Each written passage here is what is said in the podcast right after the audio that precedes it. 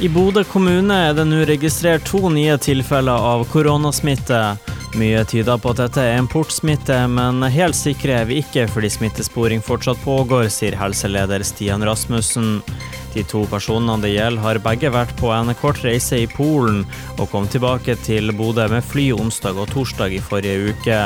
Begge er satt i isolasjon i Bodø etter deres opphold i Polen, opplyser kommunikasjonssjef Tord Bertheussen og helseleder Stian Vik Rasmussen i Bodø kommune. Folkehelseinstituttet er varsla om hvordan flyselskap og flynummer det gjelder, og FHI kartlegger nå rutinemessig hvem av passasjerene som eventuelt bør testes og må i karantene. FHI tar kontakt med flyselskapet, som igjen skal ta kontakt med oss i Bodø kommune.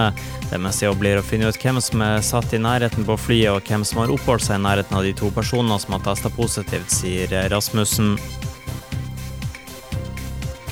En mann i 30-årene døde etter å ha blitt påført skader med et skrujern den 13. juli på Fauske.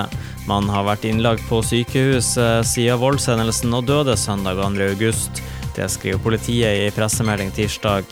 Politiet har endra siktelsen i saken. Den siktede mannen nå sikta for grov kroppsskade med døden til følge.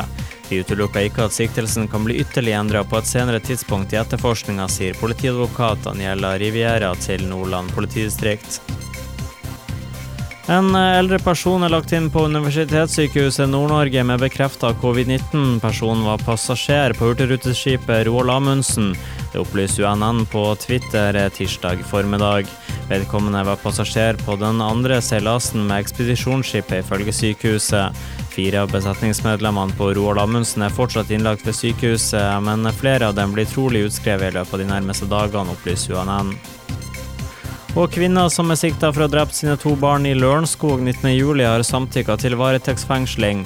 Hun skal fengsles i to uker, opplyser politiet. Kvinna ble i går avhørt for andre gang, men det er ikke kjent hva hun har forklart. Sakkyndige har også gjennomført en undersøkelse av kvinna, som etter første steg i prosessen må avgjøre om det er behov for ei full utredning av hennes tilregnelighet. Og det var siste nytt. I studio, Benjamin Solås.